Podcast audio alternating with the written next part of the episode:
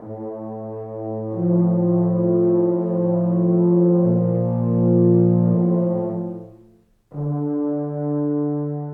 her er min stemme.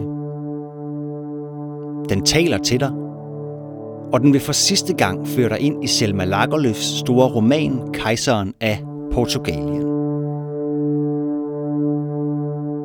I dag vil jeg få dig til at forstå endnu en side af Jan i Skruelykkers historie.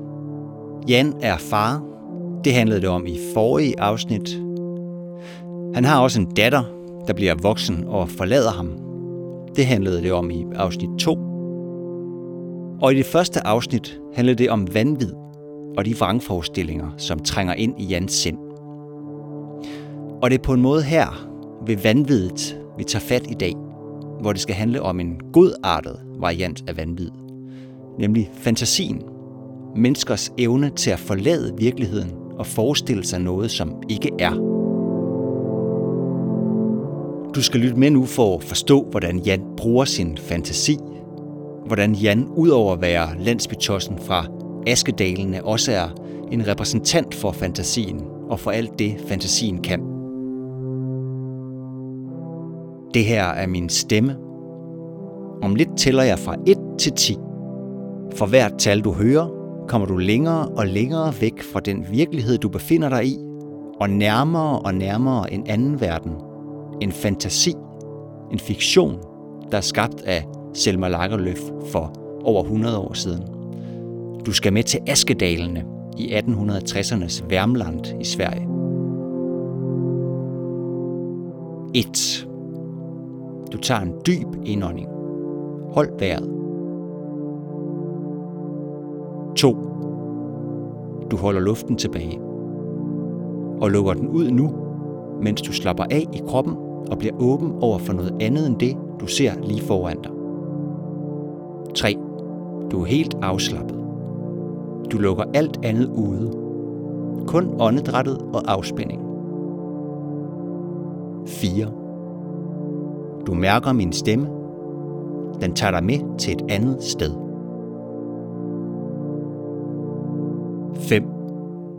Du forlader langsomt din virkelighed. Svæver ud af den. 6. Du mærker tiden gå i stå og langsomt begynder at rulle baglæns. 7. Du ser Værmland for dig. Året 1865. De små marker er særligt omkranset af dybe grøfter, der leder vandet væk. Du ser krumbøjede personer grave grøfterne dybere og bredere. De slider i det stadigvæk, selvom det er ved at blive aften.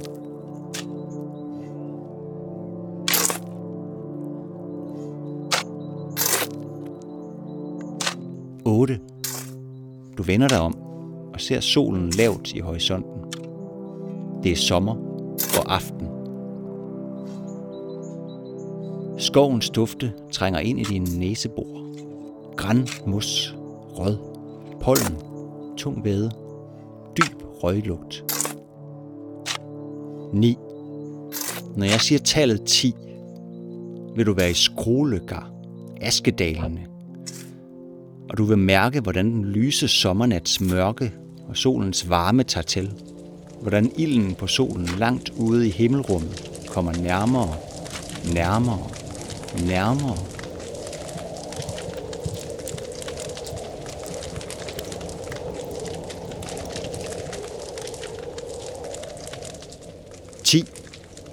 Du i Værmland. I skoven over Askedalene og i skruelykker. Du kigger på den storslåede solnedgang. Der er smuk, men også ætsende, bulrende, brændende.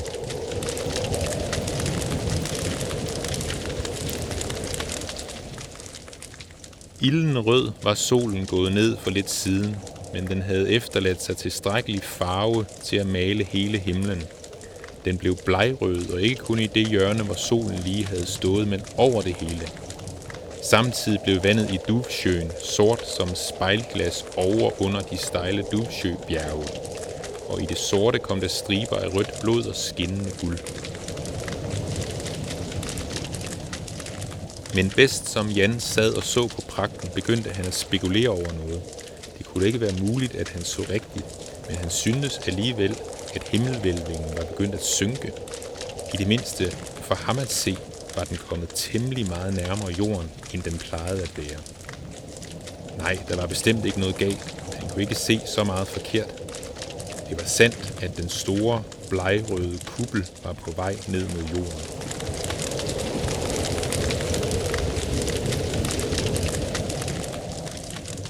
Samtidig blev lummervarmen stærkere, så han var ved at gå til. Han kunne allerede mærke den kraftige varme, som stod ud fra den smeltende hede vælving, der kom ned mod ham.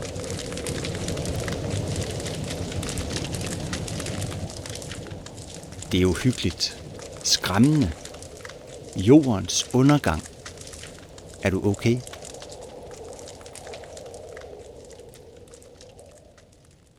Vi lukker lige kejseren af Portugalien. Du er kommet frem til fjerde afsnit af Kejserklenodierne, en podcast om Selma Lagerlöfs store roman fra 1914. Vi er i gang med at forstå, hvem Jan i Skruelykker er, hvad hans fortælling går ud på, og hvorfor det er, han rækker ud efter kejserklenodierne. Du havnede i en sært urovækkende og skræmmende solnedgang. Og for at komme videre, skal du nu lytte til en stemme. En stemme, du også har hørt i sidste afsnit. Det er en stemme, der kender Jan i Skrolykker og den forfatter, der har skrevet ham ualmindeligt godt.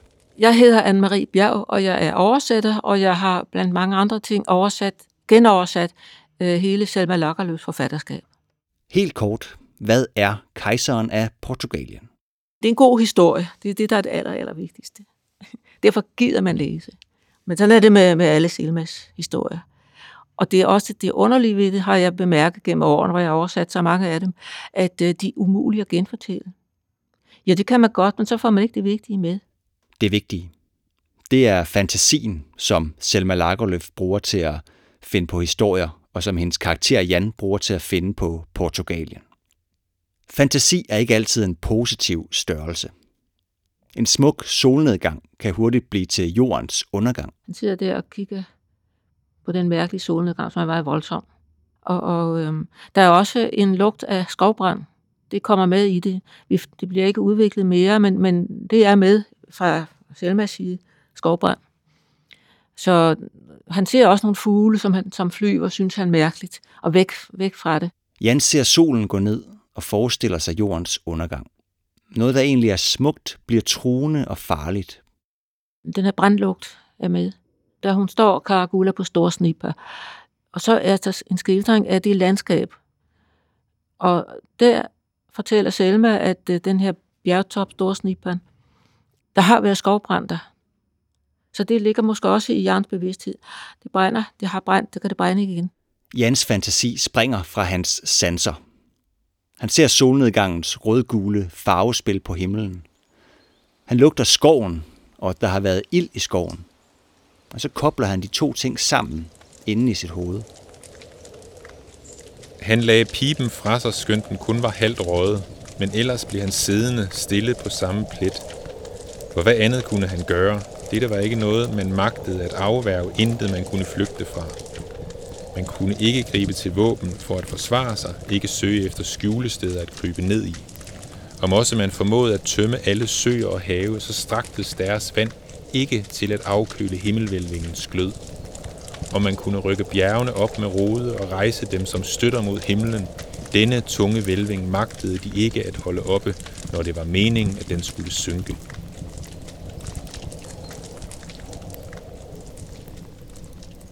Det mærkværdige var, at ingen andre end han lagde mærke til, hvad der foregik.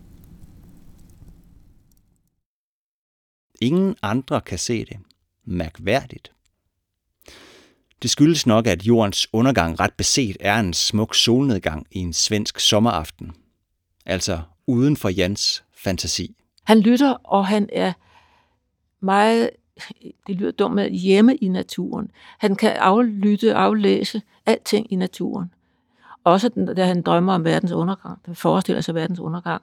Og det her kunne da ikke, det må det være ild, men nej, det er vand. Og, og han, han forstår at lytte til naturen og, og, og sanse den og bruge den i sin fantasi. Jan bruger naturen, virkeligheden, til at stimulere sin fantasi. Han finder ikke bare på dommedag. Han samler stimuli sammen i askedalene og bygger dommedag ud af dem. Som du ved, bygger Jan i Skrolykker ikke blot verdens undergang, men også en ny verden i sin fantasi. Han skaber fantasilandet Portugalien, og den samme procedure gør sig gældende her. Han sidder der, vi får en fin lang skildring, han sidder der ude i skoven og lægger mærke til træernes lyde. Nogle træer lyder sådan, og andre lyder sådan.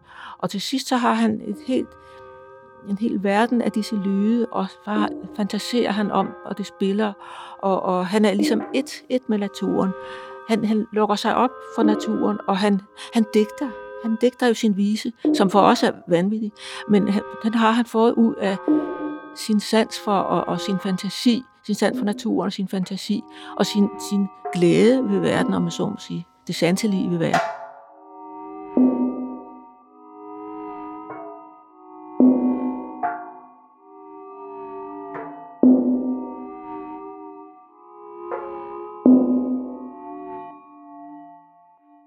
Jan er på vej til Portugalien, og du skal med.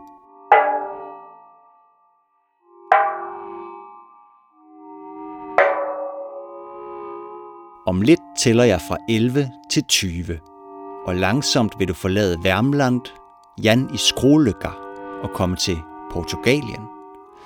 Et paradisisk fantasiland, som Jan forestiller sig. 11. Det her er min stemme.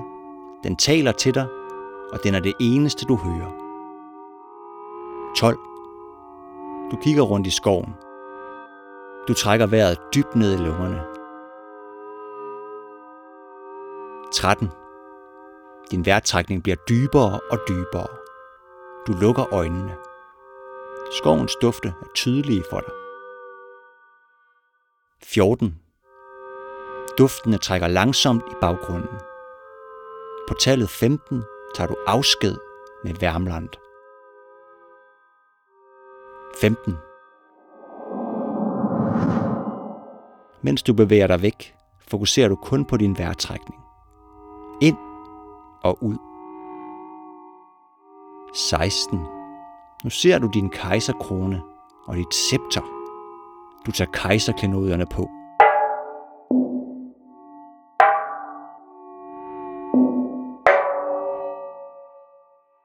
17.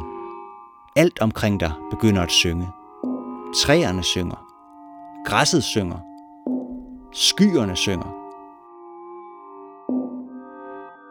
18. Sangen er understøttet af store, dundrende pauker. Bum, bum, bum. 19. Det her er min stemme. Når jeg om lidt siger tallet 20, er du fremme i Portugalien.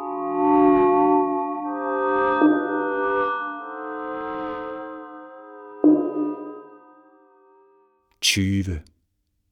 Du åbner øjnene og befinder dig i ønskelandet Portugalien.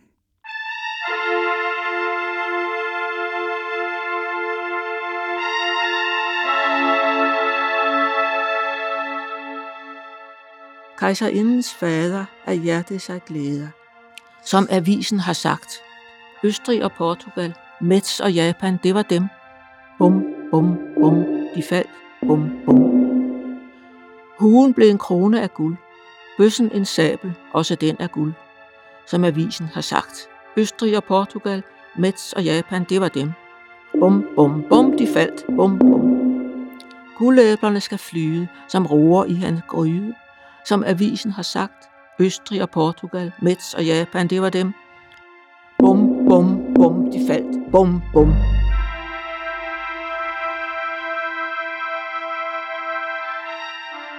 Det er det allerflotteste i hele bogen, synes jeg. Den her kejservise, som er så grum, frygtelig grum, selve versene. Det er ikke til at, jeg ved ikke, om nogen nogensinde har prøvet at synge den med en eller anden melodi. Den er meget grum.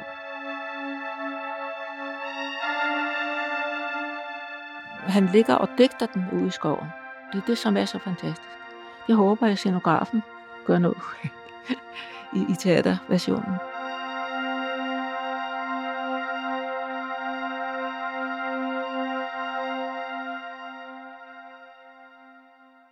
Ja, Betty Nansen Teatret havde jo lavet en næsten færdig opsætning af Kejseren i Portugalien i Nikolaj Fabers instruktion, men covid-19 nåede at få forestillingen udsat på ubestemt tid. Men skal vi ikke alligevel spørge scenografen om, hvordan det ser ud, når Jan bevæger sig fra Værmland og ind i Portugalien? Jeg hedder Ida Grarup, og jeg arbejder som scenograf. Og det en scenograf laver er øh, kostymdesign og designer scenografien. Så det vil sige, at jeg på en måde er sådan tovholder på alt, hvad man sådan ser, alle de billeder, man ser på scenen, altså alt det visuelle. Altså jeg tænker, at Portugalien er noget, som Jan har fundet på, og at øh, han sikkert har hørt om Portugal et sted, øh, og det på den måde er blevet Portugalien, altså det er sådan en lille, lille smule sådan naivt, eller sådan øh, en barnelejr, altså ligesom hvis man var barn, og der var et eller andet, man havde hørt om, som var et spændende, eksotisk sted, og man så kunne finde på et eller andet navn.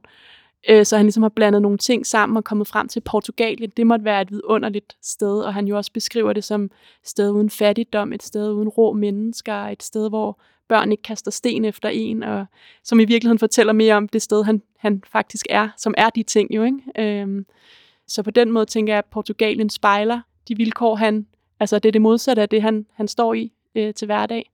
Et sted, et, et sted, han kan flygte hen i sine tanker. Men hvordan oversætter man noget, der er en fantasi, altså noget, som ikke eksisterer, til scene og kulisser? Findes kulisserne så ikke? Han beskriver det jo nogle enkelte steder i romanen øh, som altså et ret sådan bombastisk sted med løver og øh, generaler, guldbroderede generaler, og altså sådan meget øh, ja, øh, voldsomt. Altså man kan forestille sig, at det er noget, han har siddet og kigget i kirken, måske på kalkmalerierne der, og set de her tegninger og forestillet sig, at det må være et eksotisk sted. Og i vores version, der vil jeg sige, altså han, han kommer ikke som sådan til Portugalien. Altså det er ikke sådan, at vi, altså, vi er stadig med på, at det er noget, han forestiller sig. Men øh, der er et moment i, forestilling, øh, i forestillingen, hvor at, øh, at det her landskab ændrer sig. Øh, og hvor at man ligesom har et øjeblik med ham, hvor at øh, den her, hvad kan man sige, boble, han ligesom skaber, opstår på scenen. Øh, man ser en spejling af landskabet i loftet, øh, så man ligesom forstår, hvordan at verden spejler sig for Jan. Og at han på en måde lever i en parallel verden. Portugalien som en parallel verden. Interessant. Ligesom der er et sammenspil, et overløb mellem Værmland og Portugalien, er der det også mellem det gale fantasiland og så det virkelige askedalene. Mellem Jan og personerne i hans omgangskreds. Selvfølgelig er han i nogens øjne en klovn, men han er jo i virkeligheden også på en eller anden måde en, en narrefigur, som også udstiller det her hierarki på en eller anden måde, i, som der er i det her samfund på den tid, hvor at som også for os, kan man sige, også sætter herremanden, så, altså gør os herremanden til klovnen øh, i virkeligheden, øh, som jeg synes er super fint, at det ikke er sådan, at man bare tænker, at han er en gal tosse. I virkeligheden er han jo med til det der med, hvorfor er der der ingen, der har bestemt, at man ikke må sidde forrest i kirken? Hvorfor sætter man sig ikke bare, hvor man vil, for eksempel? Eller hvorfor er der en, der lige pludselig skal bestemme, at øh, nu skal jeg betale en gæld, som ikke har eksisteret før? Altså nogen, at have den magt over hinandens liv, hvor absurd det i virkeligheden er. Så på den måde tænker jeg, at der er en, at der er en sympati for ham. Det er Selma Lagerlöfs fint følende måde at fortælle på, som Ida Graup er optaget af. Læseren ser alt gennem Jans øjne, men forstår samtidig, hvordan andre må se på Jan, hvordan Jan ser ud for andres blik. Det er jo det, man kan sige, at hele genistregen, tænker jeg, i Selma Lagerlöfs måde at beskrive det på, at hun eller den fortællerstemme, der er i, i romanen, ligger sig, altså veksler imellem at være på Jans side og se det fra hans point of view, og så kan lægge sig ind, hvor at, hun, at stemmen næsten gør grin altså med Jan. Man forstår i hvert fald det komiske i det situationen, samtidig med, at den stadig er tro ved kejseren, stadig beskriver, hvordan at kejseren for eksempel sidder i kirken og sætter sig aller forrest i kirken, som ellers kun er de fine, der gør det, og han sidder og fortæller, og kejseren ligesom synger højt, fordi at alle i kirken vil have en stor glæde af at høre hans stemme, og hvor man jo med det samme får et billede af den her mand, fattige mand, der har sat sig ind imellem, kilet sig ind imellem de fine mennesker i kirken, og sidder og skråler. Altså det her med at gøre det sådan subtilt, uden at, øh, ja, uden at, at sætte ord på det hele. Og det er, det er helt vildt svært, og det er noget af det, vi har arbejdet meget med, hvordan at øh, skuespillerne ligesom, hvordan man finder en balance på en eller anden måde i det, hvornår at øh, billederne ligesom skifter fra at have sympati med ham, hvor at øh, det lyder, vi har jo også musikken med, og en strygerkvartet på scenen, hvornår musikken er smuk, og, og skuespillerne synger dejligt, og hvornår de så fortsætter med at synge, for eksempel, og musikken skifter øh, til en anden tonalitet, sådan så er det lige pludselig sådan, øh, at den, den flænge, eller hvad man kan sige, opstår i lyden, at man kan høre, Gud, det her lyder måske i virkeligheden ikke så smukt, som, som man ligesom kan tune øh, fra at høre det inden fra Jans hoved, så til at høre det udefra, hvis man kan sige det sådan. Ja.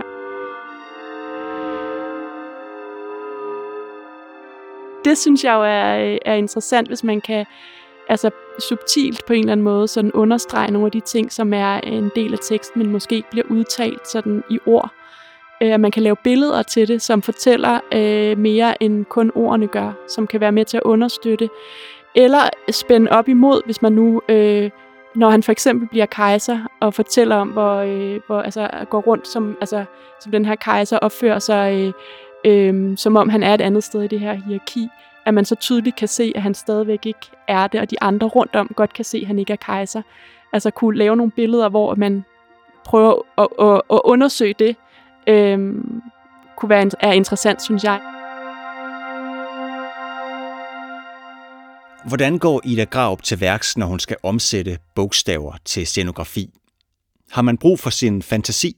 Ja, jamen helt konkret, ja, det har jeg faktisk. Altså, øhm, ja, jeg, når jeg starter med at lave en, en, øh, en scenografi, så øhm, i det her tilfælde i hvert fald, er jeg ligesom gået ind i, sådan, hvad er Selma Lagerlöfs univers egentlig? Altså, hvordan så der ud i Værmland? Hvordan så folk ud i Værmland? Hvad er det for en tid? Hvad er det for en stemning? Og der er, øh, er enkelte fotografier, men det er selvfølgelig ret, øh, ret få i forhold til, at det er fattige bønder. Øh, så det er også måde at kigge en lille smule ud i Norden måske, bønder i Norden, som sådan for at få et stort nok materiale, hvis man kan sige det, og netop kigge på, når, hvad, hvor boede de hen, hvordan så der ud, og det er egentlig ikke fordi, at jeg nødvendigvis så bruger det til at omsætte det en til en på scenen, altså at jeg så skal bygge et skur af brædder på scenen, men ligesom sige, når okay, der er nogle mennesker her, der virkelig, hvor man kan se deres ansigter, de er, det er, øh, at de ligesom er, øh, hvad hedder det, præget af det, det liv, de lever, for eksempel det hårde liv, eller kvinder med kæmpe store arbejdshænder og krumme rygge, fordi de har arbejdet i øh, med at grave tørv hele deres liv, eller altså sådan nogle ting kan inspirere mig til også at vise skuespillerne for eksempel, at sige, om der er nogle kropsholdninger her, hvordan ser du ud, når du har brugt det her redskab hele dit liv, eller øh, ja, sådan nogle ting, som kan være med til enten at tegne karakterer, eller øh, for eksempel inspirere til at sige, om der er noget med det her med naturen netop, og med landskabet, og med mennesket, det lille menneske i den her natur, som man ikke er herre over, øh, og hvordan man ligesom kan arbejde videre med det, og så netop de her kort dukket op, og de her højdekurver, som jeg egentlig også synes bare som udgangspunkt var enormt smukke og simple, simple og en meget sådan, øh, en meget sådan, ja, den her, have det her helt rationelle sådan øh, blik på et landskab, hvor man ikke ser, hvilken årstid det er, eller, men man alligevel skal som publikum bliver tvunget til at bruge sin forestillingsevne, ligesom kejseren også gør, kan man sige, i romanen. Så det er også det, forestillingen handler meget om. Forestillingsevne i virkeligheden. Nedslidte kropsholdninger og rationelle højdekurver, der tvinger publikum til at forestille sig Portugalien og Værmland. Hvad vil det egentlig sige? I den her udgave af Kejseren af Portugalien, altså, som vi sætter op på Betty Nansen Teateret, der er scenografien et, øh, et landskab, som ja, skal være et, øh, et udsnit af Værmland, om man vil. Øh, og når man kigger på landskabet, kan man godt se, at det ikke er et, hvad kan man sige, naturalistisk landskab, man kigger på. Det er øh, et landskab, som er inspireret af sådan nogle højdekurver, når man aflæser kort. Altså sådan en meget rationel måde at aflæse et landskab på. Det vil sige, det er super øh, øh, minimalistisk og øh, meget sådan, øh, hvad kan man sige, stiliseret. Så når man kigger ind på det, vil det være, er det nogle lag af et landskab, man kigger ind på, som, øh, som danner en, øh, en bjergformation eller en form for sådan dal, hvor at øh, skuespillerne bevæger sig rundt. Hvordan har scenografen Ida Graup truffet det valg? Der har jeg valgt det her meget sådan, øh, hvad kan man sige, skrabet minimalistiske udtryk, fordi vi har noget strygemusik, som har alle bær Jans følelser med sig, kan man sige. Øh, og har den her meget sådan romantiske tilgang også til verden. Og jeg var interesseret i at, øh, at kigge meget rationelt på, øh, på det landskab, han bevæger sig rundt i, fordi han har den her fantasiverden, den her forestillingsevne, som, øh, som udfolder sig i løbet af stykket. Og øh, det synes jeg var et, et interessant spænd imellem det her super rationelle og så hans fantasiverden, at det, det giver et interessant spænd i, i fortællingen. På samme måde som scenografien skal vise den skinbarlige virkelighed, som Jans fantasi springer fra eller er oppe imod, så er skuespillerne også udfordret af eller op imod den kurvede scenografi. Der er noget råhed og noget barskhed over det her landskab, man ser på scenen, som også øh, skuespillerne helt konkret kæmper med, når de skal bevæge sig rundt. Øh, fortæller også noget om en mand, som øh, har nogle hårde livsvilkår på en eller anden måde. De kan ikke stå, øh, stå lige noget sted på den her scene, så de skal også ligesom klatre rundt lidt, ligesom han øh, også på den måde er, hvad kan man sige, styret af både naturen omkring ham og også, hvad kan man sige, de vilkår, han er givet i forhold til, hvor han er i samfundet, altså i bunden af det her samfund. Og det bruger vi også i landskabet, har noget med at placere øh, spillerne i det her landskab, og man står på toppen af bjerget og kigger ned, at man på den måde kan lave blikretninger og lave et hierarki, at Lars kan stå op på, på toppen og kigge ned på Jan, der sidder helt nede i bunden, og på den måde arbejde med, med hierarkierne i rummet. Fantasien i kejseren af Portugalien er altså en differentieret størrelse. Den er fuldt ud afhængig af den virkelige verden, som den udspringer af. Fantasi og virkelighed er nært forbundet. Det forsøger Ida Grav både at omsætte, men også at udnytte, når hun skal give Jan i skrolykker omgivelser at gå rundt i. Når Jan tager kejserklenoderne på og bliver kejseren af Portugalien, så forestiller han sig, at de andre er et publikum, og han selv er en skuespiller. Kejserklenoderne er hans kostyme.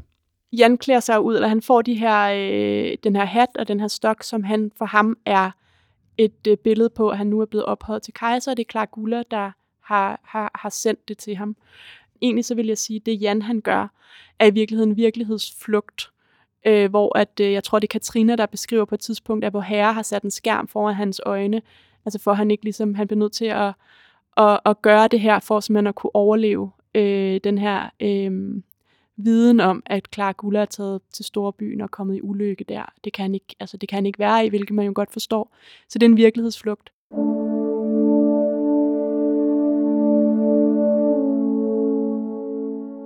Jeg synes nu ellers, at du, der er så forstandig, burde prøve at pille det ud af Jan, som han går og bilder sig ind. Du får se, at hvis dette får lov til at blive ved, så ender det med, at vi må sende ham i dårkisten. Nu rejste Katrina sig og så helt forulæmpet ud. Jan er ikke tosset, sagde hun, men hvor herre har sat en skærm for hans øjne, så han ikke behøver se det, som han ikke kan tåle at se. Og det skal man kun være taknemmelig for.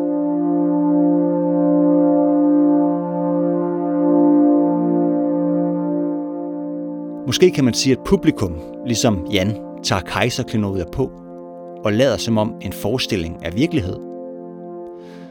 Men hvordan ser det ud fra scenografens perspektiv? Altså i virkeligheden, så altså, øhm, når jeg arbejder, er det meget sjældent, at jeg laver scenografier, som ikke forholder sig til, at de er scenografier, hvis man kan sige det sådan. Altså, jeg tror ikke, jeg har prøvet at lave en scenografi, som påstår at være en et komplet øh, illusion. Altså, man på den måde skal indleve sig i noget. Også i det landskab, som er på Betty Nansen Teateret nu. Det er også et udsnit, et tydeligt udsnit af et landskab, så det har en start og en slut, og det ser man. Så der er ikke noget, der ligesom forsvinder ud til siden, så man ligesom på den måde... Øh, altså man kan sige, spillerne kan bevæge sig rundt om det på en måde, som man ikke ville kunne, hvis det var et naturtro landskab.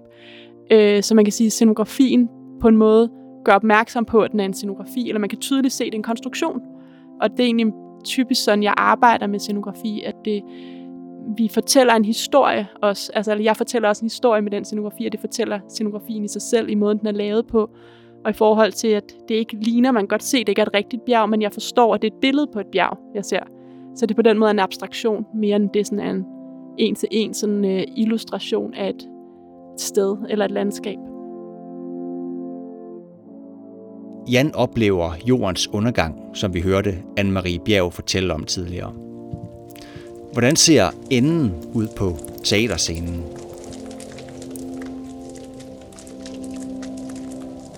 Han ser ligesom, altså hele himlen står i brand, hele verden omkring ham ligesom går i opløsning, øh, og ingen andre ser det, det er kun ham, der oplever det.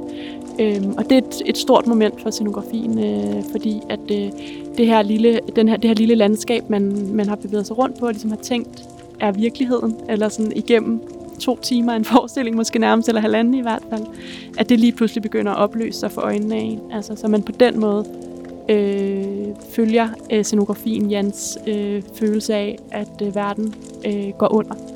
Og det er et stort moment, scenografisk moment i forestillingen, som, øh, som vi har arbejdet med. Øh, ja, både med scenografi og med, med lys og så videre. Så, øhm, så simpelthen at lave en apokalypse for øjnene af øh, publikum.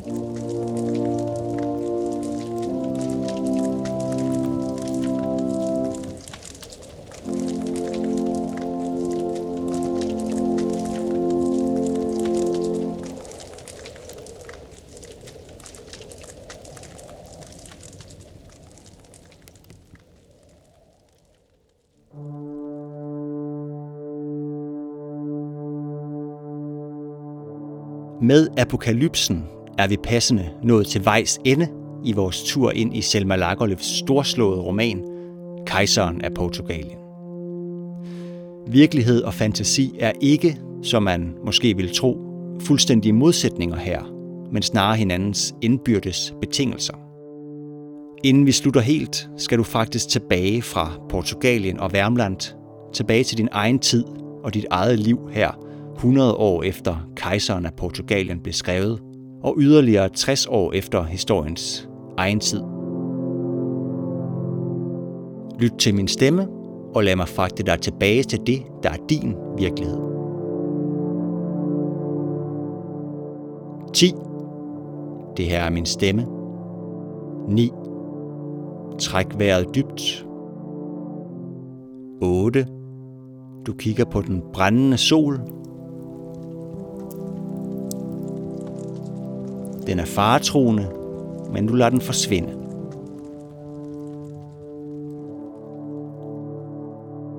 Syv. Du forlader Portugalien, og himlen åbner sig og styrter alligevel ikke ned. 6.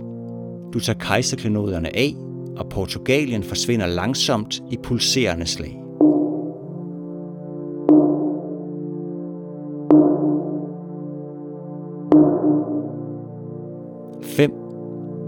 Er i Askedalene.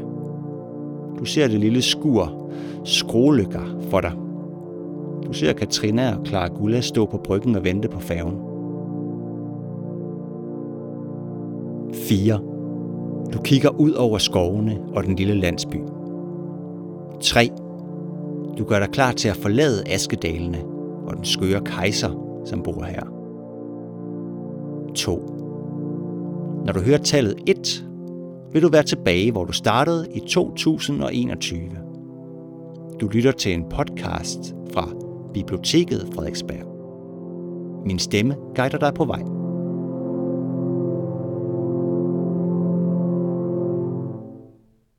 Et. Du lytter til min stemme. Du er tilbage.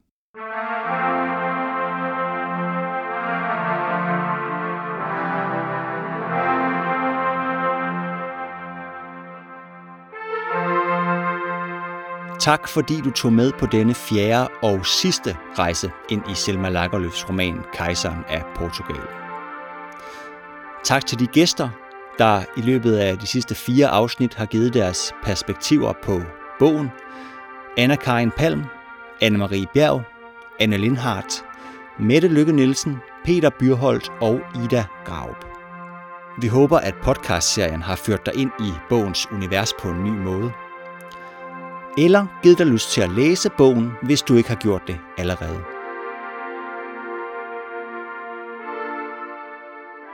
Nu er du endelig helt tilbage i din trygge hverdag. Men hvis du kigger over skulderen bag dig, så kan du nok godt se, at der står en stok op ad væggen, og der hænger en kasket på knæen over på stumtjeneren. Eller måske er det en kejserkrone. Af og til får vi jo alle sammen brug for at række ud efter kejserklenoderne.